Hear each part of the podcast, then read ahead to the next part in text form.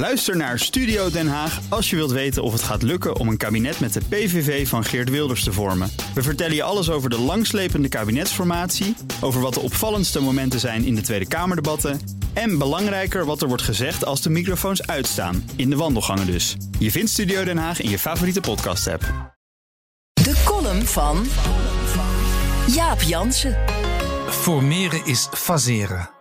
Er is tijd nodig om de twee grootste partijen, tevens winnaars van de verkiezingen, een modus te laten vinden om het CDA weer aan tafel te krijgen en om te bepalen welke linkse partij of partijen mee gaan onderhandelen.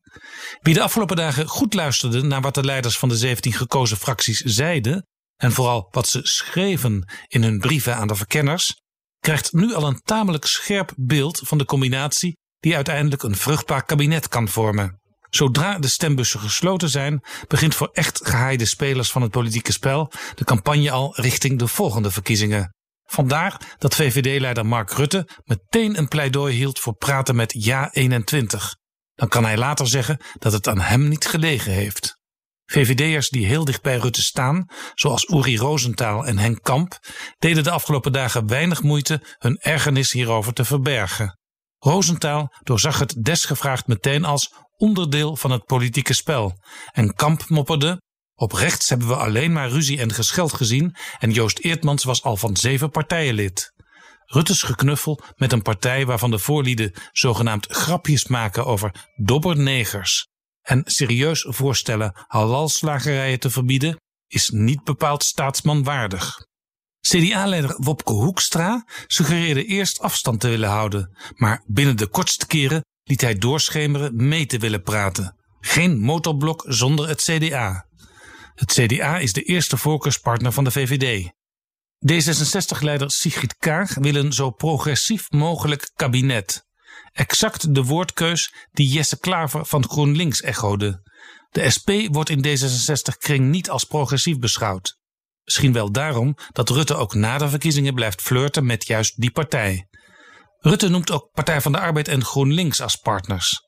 De PvdA is bereid te praten nu ook oppositie niet blijkt te lonen. PvdA-leider Lilian Ploemen houdt vast aan de verkiezingsbelofte om alleen een kabinet in te gaan met tenminste één andere linkse partner. Kijken of dit zo blijft nu Klaver hier minder standvastig is. Voor een meerderheid in de Tweede Kamer heb je met VVD, D66, CDA en een van de linkse partijen een meerderheid. Maar voor Rutte telt ook het zeteltal in de Senaat. In de Eerste Kamer is voor een meerderheid deelname van Partij van de Arbeid en GroenLinks nodig. Een vijfpartijenkabinet van deze samenstelling geeft vanuit VVD en D66 bezien een betere balans tussen conservatief en progressief, met voor Rutte het voordeel dat als de spanningen oplopen, VVD en CDA binnen het kabinet nog altijd een meerderheid hebben. De VVD-leider aarzelt nog. Toch moet hij, ook als historicus, beseffen dat zo'n kabinet aansluit op de grote wens van een van zijn voorgangers, Hans Wiegel. Die pleitte begin jaren 80, toen Rutte's politieke belangstelling zich ontpopte, voor een nationaal kabinet van CDA, PvdA, VVD en D66. Met zo'n nationaal kabinet, nu voor de meerderheid aangevuld met GroenLinks, staat Rutte dus in een waarlijk liberale traditie. Ook Harm Edens vind je in de BNR-app. Je kunt BNR Duurzaam niet alleen live luisteren in de app, maar ook terugluisteren als podcast, zoals al onze podcasts. En naast dat de BNR-app Breaking News meldt, houden we je ook op de hoogte van het laatste zakelijke nieuws. Download nu de gratis BNR-app en blijf scherp.